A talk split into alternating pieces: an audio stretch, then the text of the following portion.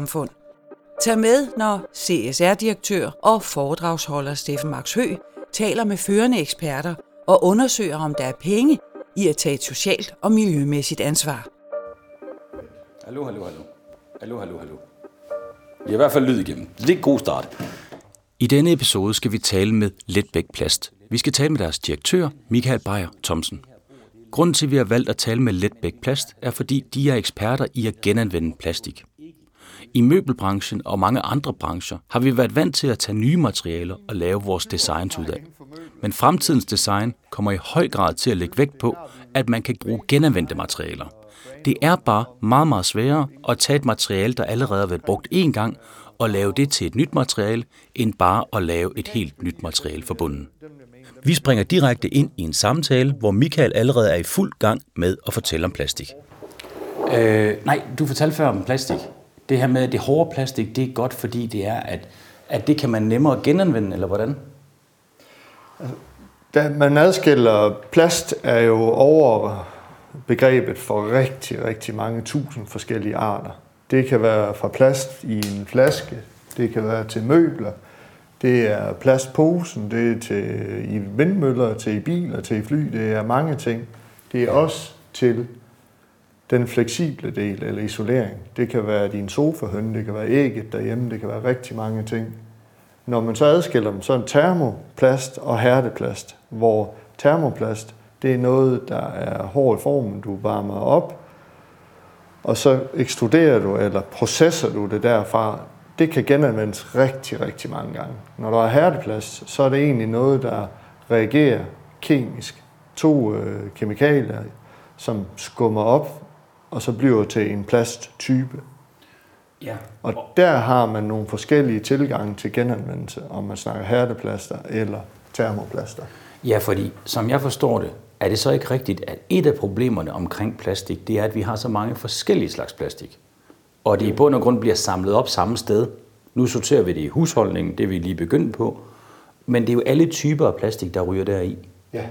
Og man kan ikke blande de her plastiktyper. Det er lidt Nej. det, der er kimen, ikke? Det er en af de helt store udfordringer, når vi snakker genanvendelse. Og forklar os lige, hvorfor er det, at man ikke bare kan sige, jamen prøv at høre, så bruger vi kun én slags plastik. Det er det eneste, der kommer ind i Danmark. Sådan skal det være. Altså, der er ingen tvivl om, at vi kan gøre noget for at standardisere og for at simplificere mængden af plasttyper, vi bruger. Specielt når vi snakker inden for emballage til fødevarer. Der er rigtig meget godt undervejs. Der er lavet et, øh, nogle forslag i forhold til et advisory board.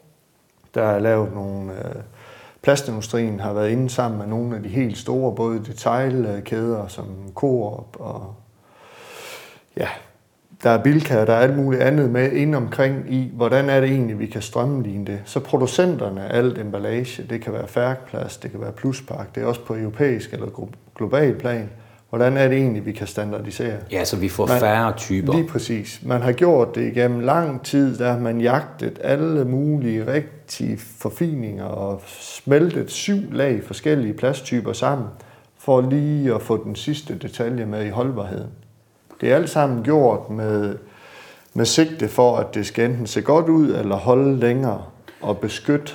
Men man har ikke taget højde for, at vi skal lige kunne bruge det igen. Så problemet med plastik, det er, at der er mange forskellige slags plastik, og i bund og grund er det, fordi de har forskellige funktioner. Yes. Så man har egentlig limet alle mulige typer plastik sammen, fordi noget, noget er, er ser pænt ud, noget Så er der en god del, mod- der har skulle lavet en barriere for, øh, for lugtenskud, eller en barriere for luftgennemtrængning. Så er der noget, der skulle have stivhed i produktet. Så er der noget, der skulle have fleksibilitet. Der er rigtig mange ting. Eller også er der nogen, der har sagt, det her produkt, det skal simpelthen, der er det vigtigt, at det har en eller anden speciel øh, glans eller klarhed, eller når jeg rører ved emballagen, så skal det gnitre. Så det har sådan været moderne alkymister, der har siddet og sagt, vi har det her, nu, vi har det her produkt, og det skal pakkes ind på den her måde, og det skal holde sådan her, og det skal kunne det her. Og så har de bare sat alle mulige forskellige typer plastik sammen, og så kan det ikke genanvendes. Nej, så har man ikke taget højde for, hvad så når det ikke skal anvendes mere. Det er den her linje tankegang. Ja, Det er vi stærkt på vej ud af. Vi er langt fra en cirkulær økonomi nu, men der er rigtig meget godt undervejs, og en masse snak om, hvordan gør vi det så. og vi det er plastikindustrien generelt. Det er samfundet generelt. Okay. Plastindustrien er jo en stor øh, faktor i at få det til at lykkes, men det er langt fra nok, at en industri gør det. vi som forbrugere får jo en kæmpe rolle i det her. Vi skal jo til derhjemme og acceptere, at vi skal sortere og vi skal acceptere, at tingene måske ikke øh, ser helt æstetiske, skarpe ud, men til gengæld så sikrer vi, at vi sparer på ressourcerne og CO2, og bæredygtigheden kommer i front.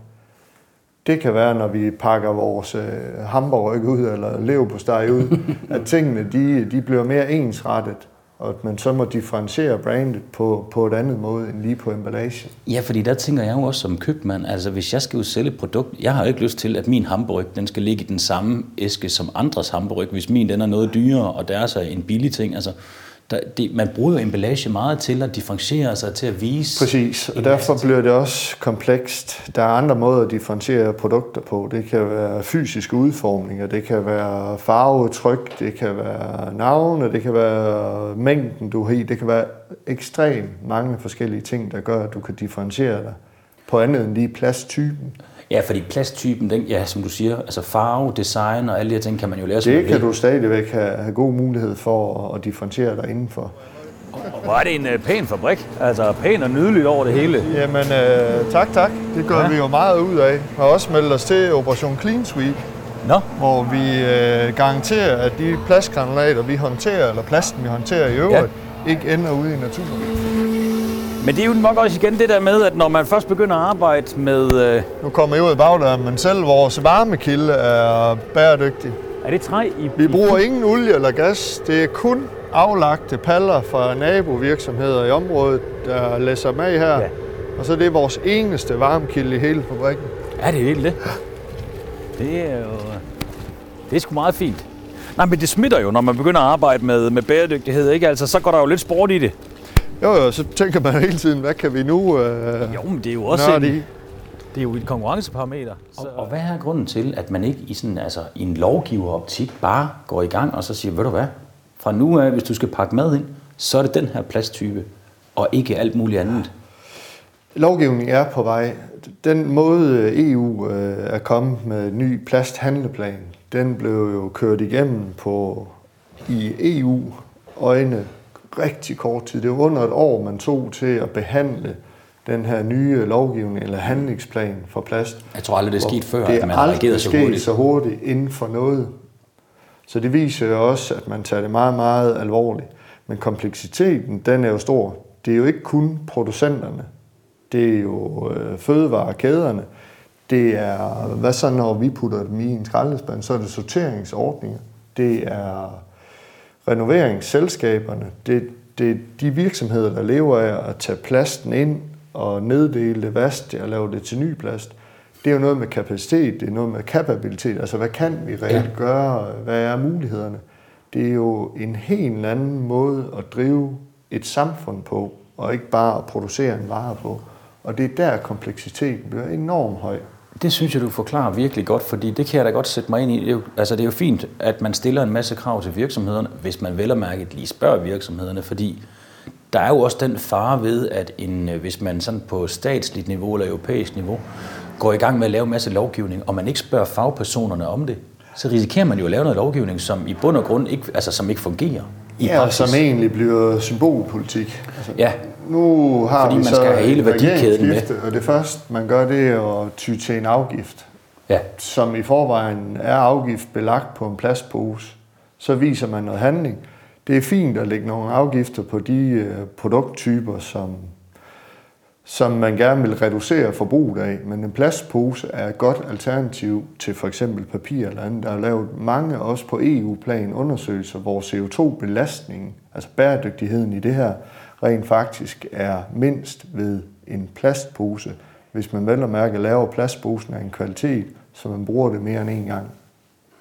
Så det er også noget med forbrugeren. Når vi tager en plastpose med hjem, hvorfor skal vi ikke lige øh, pakke den sammen og tage den med hen i butikken igen næste gang?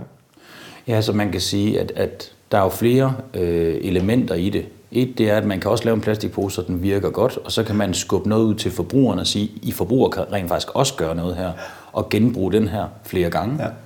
Og så er der også noget strukturelt i samfundet om, jamen har vi en opsamlingsmulighed ja, hvor til skal den her vi så egentlig øh, aflevere plastposen, når den så ikke kan mere, ja. så at den rent faktisk kommer for eksempel til Letbæk, hvor vi så kan lave plasten om til et nyt produkt. Nu laver vi så ikke lige plastposer, men vi kunne jo bruge selv samme plastpose i nogle af de andre produkter, vi laver, og i øvrigt har gjort i rigtig mange år. Ja. Og så kommer vi over i, vi øh, i produktionen af møbler. Ja, Det kan være en maskine som den her. Nu er det her, hvor de færdige emner kommer ud. altså det er jo ikke, den her del er jo ikke rocket science. Det hele ligger jo i at få lavet det der, Altså så det maskinen hænger er den samme, om du bruger nyvarer eller genbrug. Ja. Det er simpelthen opskriften på at få blandet det der genbrugsplastik sammen, så det holder og lever op til de krav og farver og alt det her. Yes, og evnen til at designe produktet, så den match, altså design matcher Er der ikke også et, øh, altså en, øh, en diskussion omkring, findes der overhovedet et materiale, der er lige så godt som en plastikpose? Altså, så kan det godt være, at den ikke vinder så meget på miljøsiden, men den virker i lang tid. Altså, har vi et alternativ til Ja, plastikposer? alternativerne, de er der. Det er, jo- det er jo bomuldsposen, eller det er papirsposen. Men hvad er så egentlig for nogle parametre? Hvad, er, hvad er det for noget, vi sætter op? Ja, for hvis du ikke husker plastikposen, så husker du vel næppe heller bomuldsposen. Præcis. Og når du så kigger en CO2-belastning på at fremskaffe bomulden til at lave posen, så er den jo markant højere end på en plastpose. Og det er jo der, at tingene ikke begynder at give mening mere, fordi korrekt anvendt, så giver plast rigtig god mening. Så har vi så også et samfund, hvor vi overforbruger plasten. Vi behøver ikke nødvendigvis at blive tilbudt øh, plastsugerør og en plastlåg på alle McDonald's-bærer, når vi er ude og have fast food osv. Der kan man godt med omtanke fjerne en del af den plast. Og specielt også fordi den plast, der bruges der, det er nyvarer. Og så er det, hvis vi skal kigge på møbelbranchen, hvorfor er det, at alle de øh, forskellige producenter øh, af møbler i møbelbranchen, hvorfor er det, de ikke bare siger, at fra nu af vil jeg have øh, genbrugsplast i mine produkter? Jeg ved, der er flere af de klassiske designs, der begynder at skifte Der er ud. en rigtig stor omskiftning på vej. Vi har i øjeblikket rigtig, rigtig mange projekter i at få øh, genbrugsplast ind i møbelbranchen. Man har virkelig fået øjnene op for, øh, for den efterspørgsel. Altså det, det er jo hele tiden bæredygtig business, vi Ja. taler nu. Det er jo det. Nu er der jo rent faktisk et marked for bæredygtige møbler, hvor hidtil så har æstetikken egentlig fået lov at vinde over bæredygtigheden. Der er nogle kompromiser, man må tage, når man snakker genanvendt plast frem for nyvarer. Nyvarer har vi måske så stort et, et spil at arbejde indenfor i, det kan være tolerance, specielt farven, Så det er farvefunktion. ja, man hvor vi så lidt- taler øh, genbrugsplast, Ja. alt efter hvilke kilder man nu øh, vælger at tage, så er vi måske inde i et meget mere snævert. Så skal man som producent acceptere, at man har fem farver og sende et produkt på markedet med i stedet for 25. Okay. Så, så æstetik har virkelig fået lov at spille en stor rolle i valget af, af plasten. Så man kan sige, når man bruger genbrugsplast, så har man, altså, så koster det noget på design- eller æsthetikkontoen. Hvad med prisen? Jeg ved ikke, om det er den rigtige måde at formulere det på. Det koster noget. Det, det er en anden måde at Du har anskue reduceret- æstetik på. Du har reduceret valg. Ja, Ikke? Så man kan sige, at det er klart, at hvis du kan leve med de farver, du har, så er det fint. Men hvis du gerne vil ud og lave en stol i en firmafarve, og det her firma kører med en bestemt, en bestemt logo farvekode, så kan man godt være nejlet lidt til jorden i forhold til, at man kan lave det genbrugsplast. Er det ikke rigtigt forstået? Jo, det er, altså lige på den der, der vil du have nogle begrænsninger i forhold til en nyvare. Og der er nyvare relativt enkel at få til at indfarve. Du kan indfarve i samtlige ral- og pantonefarver, du vil. Så, så det er jo en let tilgang til det, at kan løse de ting. Men det er jo virkelig også en vigtig pointe, ikke? at man ikke bare tror, at plast er plast, og man bare kan bytte tingene ud. For det kan simpelthen ikke lade sig gøre. Og jeg synes også, en vigtig ting er egentlig også, at vi som forbrugere skal, skal tage stilling til, hvad er det egentlig, vi vil, og hvad er det for et samfund, vi vil have. Hvis vi bliver ved med at kræve de helt fine, perfekte løsninger hele tiden, så får vi sværere som samfund i at omstille os til et cirkulært niveau.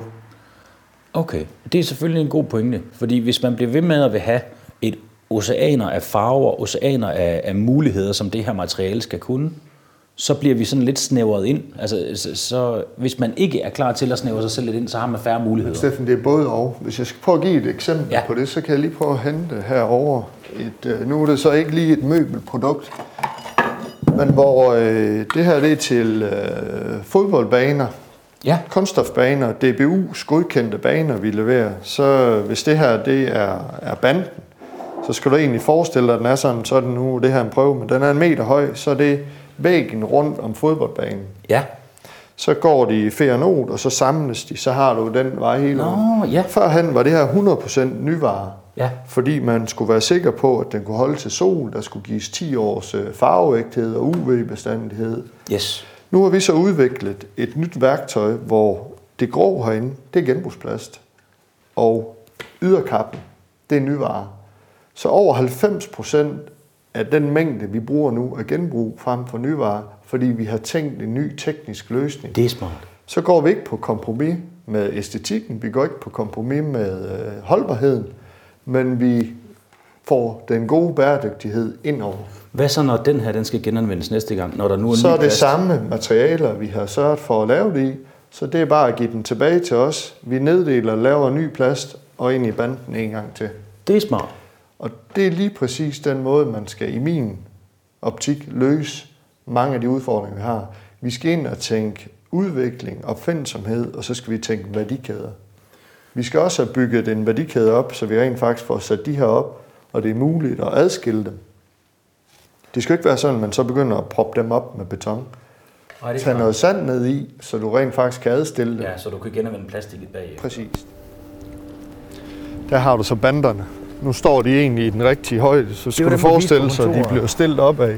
Så er de jo så er dem, der er på sidelinjen, og de lange er bag ved målet. Du har faktisk set den gamle version derovre. Så nyt er det. Den, der er helt gennemfarvet. Kan du se om bagved, der er helt mørk. Nå, ja. Det som den var inde. Det er 100% nyvare. Nu er de så nogen af 90% øh, genbrugsplast. Ja. Det, det er bare logisk, når man ser det, ikke? Jo, jo, for Men selvfølgelig det er kræver lige, at man får øh, tanken. Ja, og tricket, det er jo så det der med at få det der nye og det genbrugspladsen til at hænge sammen, eller hvad? Yes. Ja, det, det er jo også... Altså det at få værktøj til at kan gøre det der, Ja. det, det er ikke øh, bare lige. Hvis du sådan lige, hvis du var kunne statsminister, eller måske endda præsident i USA for et år, hvad vil så være de mest lavt hængende frugter i forhold til plastik, ind- plastindustrien og miljø? Hvordan kunne man på korte sigt med mindst indsats gøre mest? Det er godt nok et komplekst øh, spørgsmål, der skal svares. Jeg, jeg blev sådan helt... men men det, det, jeg synes, en regering skal starte med, det Ja. er egentlig at få vores øh, muligheder som borgere til at komme rigtig af med plasten. Sortering og affaldshåndtering for det ensartet. Nu kigger jeg i et land som Danmark. Der er jo ingen grund til, at vi som lille bitte land skal have 27 forskellige måder at samle plast eller affald generelt ind på. Kunne man ensarte det, så har vi også en volumen, der gør, at vi rent faktisk kan have de fabrikker, der kan håndtere plasten i Danmark. Fordi meget af CO2-påvirkningen, det er jo også at transportere det rundt. Ja. I dag, der ryger det jo, det der kan genanvendes, det ryger til Tyskland, eller Italien, eller Holland, for at blive genanvendt.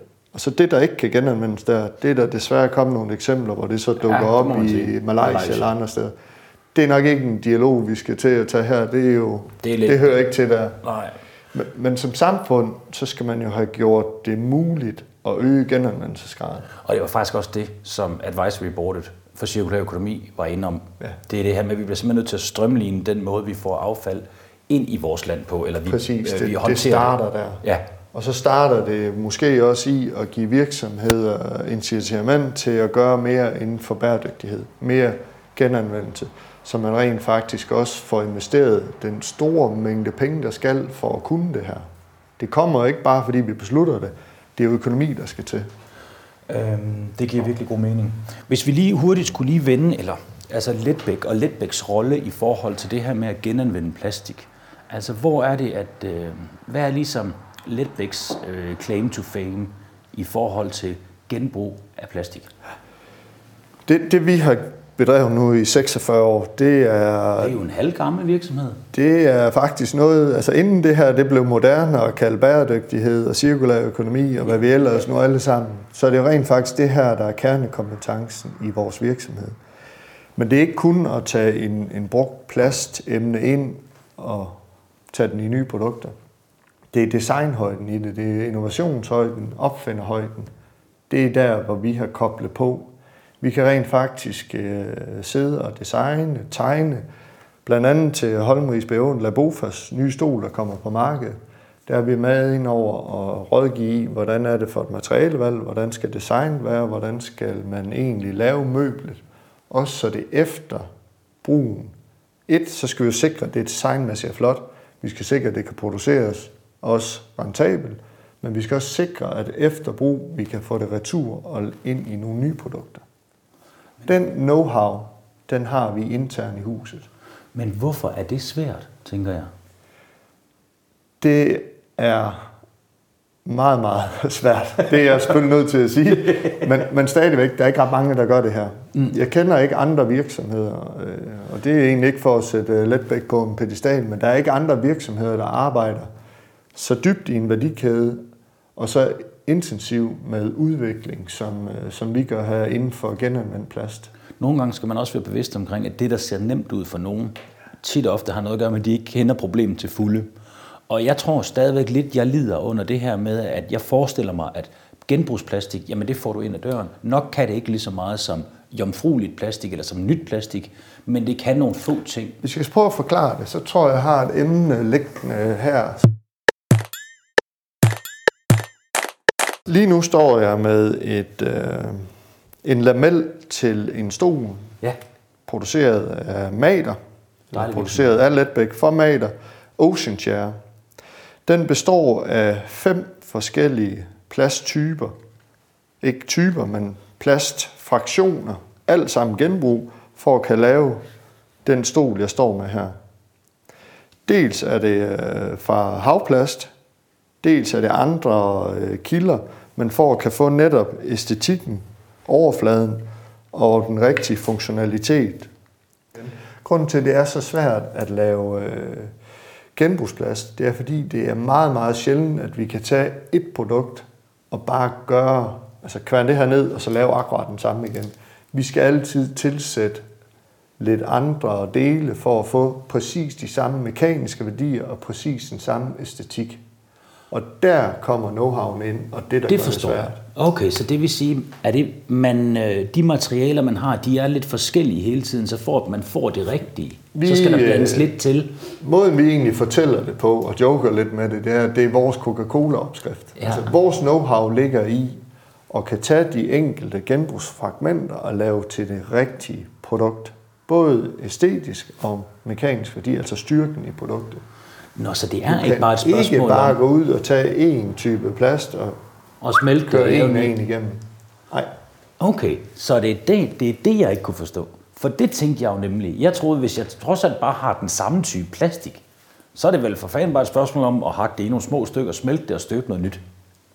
Ja, men, men det kræver, at du har store nok fraktioner. Altså, teoretisk, hvis jeg havde stole nok af den her Ja. tilgængelig, så kunne jeg godt neddele og lave det til en ny stol. Mm, men så skal man have steady Men pipeline. udgangspunktet for at komme hen til den stol her, det har været fem forskellige fraktioner for at komme hertil, for at kunne de krav, der var til produktet. Her har vi så en stolproduktion i gang. Ja. Og det emne, vi producerer i øjeblikket, det er til en, øh, en kunde, som hedder Velers. Er det Velers Det er øh, Velers nye stol, der hedder Rum reused materials? står det for. Ja. Og vi har brugt utrolig meget energi sammen med CF Møller som arkitekter på Ja. det. Okay. Og i det her tilfælde er det fiskenet, brugte fiskenet, Ja. som er røget ind i værdikæden igen. Og det har vi virkelig investeret meget tid og meget udvikling. Og udvikling, det er try by error. Ja. Vi har prøvet og prøvet og prøvet og prøvet og mixet og mixet, til vi havde den blanding, der nu fungerer i at kan lave stole i det her. Okay, så det er ikke ligesom når jeg i gamle dage fik lov at lave tinsoldater, hvor man bare smelter det og hælder det i, og så har du fået dine ting. Langt fra. Det, det kræver, jeg kan godt høre, det kræver lidt mere ingeniørkunst. End, øh, Der er, der er mange, mange timer investeret i det her, og det har faktisk været et projekt, som har været støttet af Innovationsfonden. Ja. Innovationsfonden har været ind over, fordi opfinderhøjden og potentialet i at kunne lave designmøbler af de her brugte fiskenet, der er kæmpe potentiale. Der ligger jo, jeg tror det sidste tal jeg så, så var det 600.000 ton brugte fiskenet rundt omkring. Hvad med sådan noget som leveringssikkerhed? For det lyder jo lidt svært, altså, men det, det- lyder ikke at man kan styre sit inflow af materialer så godt. det er jo også noget af det, som, som vi har opbygget igennem rigtig mange år, som er en af vores styrker ved Letbæk. Det er vores værdikæde. Både viden, men også evne til at indgå i. Vi respekterer utrolig meget både opad og nedad i en værdikæde, fordi uden andres, altså sammen er vi stærkere og alene ingenting. Det er et ekstremt vigtig tilgang i genanvendelse også. Fordi hvis vi ikke har de kilder, der kan levere den brugte plast ind til os, så kan vi heller ikke levere et møbel til håndvis. Det kan simpelthen ikke lade sig gøre. Så derfor har vi nogle aftaler med nogle forskellige europæiske virksomheder, som, og det er dels industriel og dels øh, virksomheder, som tager husholdningsaffald ind. Det kommer lidt an på, hvad det er for nogle kilder. Nogle øh, kunder kommer til os, det kunne være Velers, vi har lavet en ny stol, lige kommet øh, på markedet for nylig. Er det rum? 100, rum, ja. Ja. 100 procent er egentlig sigeplast, som er vores varemærke for, øh, for havplasten. Ja. Så der er, ikke, øh, der er ikke gået på kompromis. Man har søgt den æstetik, og man har accepteret den ja, visuelle udtryk, den råvare har, både i farve og i, nu bliver det lidt teknisk, men der er noget, der hedder sugninger i plast. Ja. Og de opstår typisk, hvis det ikke er den rigtige uh, smelteindeks, altså uh, flydeegenskaber i materialet. Mm. Det der med plastik, det er ikke helt nemt, kan jeg da godt begynde sig Der er utrolig mange parametre i at få et, et, et godt produkt frem. Ja. Og det er klart, når du har en, en ny vare, så kan du specificere præcis til en nyvareproducent, jeg skal have det og det og det og det, den skal kunne det og det, og jeg skal nøve have det i den mængde hele tiden. Og det er jo klart, fordi vi igennem de sidste 50-80 år, der har vi jo forfinet vores metode til at tage ny plastik og lave det på alle mulige skøre måder, som har kunne leve op til alle mulige forskellige krav og specifikationer. Og nu har vi så balladen med at skulle lave det hele omvendt. Præcis, og der skal vi jo netop have designet vores ja. produkter, så de passer ind i den loop, det er at lave cirkulær økonomi. Og det er jo derfor, du taler så meget om værdikæde, fordi at, at en lille fraktion kan ikke gøre det. Det er et samarbejde både mellem dem, der bruger det, dem, der laver det, og dem, der producerer det og designer det og opsamler det efterfølgende. Præcis. Det er hele samfundet, der skal tænke anderledes. Og det er politikere, det er virksomheder, det er os som borgere i de enkelte samfund, og det er verdens borgere. Vi, vi er jo heller ikke i et land, hvor vi bare kan lukke øjnene. Gå ud til øh, Vesterhavet, gå en tur. Meget af det, der skyller op, det er jo egentlig plastaffald eller affald generelt. Nu er det hele jo ikke plast, der skyller op. Det er også godt lige for den myte væk. Men, men meget af det affald, der er i havene, de stammer jo fra fem floder rundt i verden. Ja, det er bildæk og alverdens ting. Ved du, hvor mange mennesker, der lever på den her planet uden adgang til renovation? Altså en skraldespand. En milliard. To milliarder mennesker. Altså mange alligevel. Og stort set samtlige af de mennesker får en plastpose eller en øh, plastflaske. Ja. Hvor skal de gøre det? De køler det jo i en skraldespand. Og hvad er i vigtigst, et- når du ingen penge har? Er det at rydde op efter dig, eller sørge for, at børnene de har mad i morgen? Der tænker man jo tilbage på Maslows behovspyramide, ikke? Så, så derfor bliver kompleksiteten i at løse alle udfordringer kortsigtet. Det, det kan ikke lade sig gøre. Vi har en tilgang her i virksomheden, hvor vi siger, altså, vi har sagt til os selv, hvorfor er vi egentlig, hvad er vores why? Altså, hvorfor er vi til stede? Jamen, vi tror på, at bæredygtig business gør verden til et bedre sted. Men én løsning er gangen. Vi tror ikke på, at vi kan redde hele verden, men vi kan i høj grad være med til at præge det i en retning med de ting, vi egentlig går og producerer dagligt. Og det tror jeg, du har fuldstændig ret i. Og det, det drejer sig om, vores bidrag til det her, til løsningen af de her problemer, det er netop at udvikle de løsninger, som vi så kan implementere alle mulige andre steder i lokalområderne, så der også kan laves virksomheder dernede, der arbejder med det. Men vi har den viden, der skal til til at lave de her løsninger, så det må i høj grad ligge på os. Det er, det er super spændende, og der er ingen tvivl om, at, øh, at man kan lære noget af at komme herned og få en snak med dig. Jeg ville- troede egentlig, jeg vidste relativt meget om plastik, men jeg kan godt se, at det er jo et meget mere kompliceret materiale at arbejde med i genbrug, end nyt plastik er, og end jeg lige umiddelbart troede. Tak for snakken, Michael. Det var en fornøjelse. Godt at møde jer. Ja, bestemt. Det var rigtig, rigtig spændende.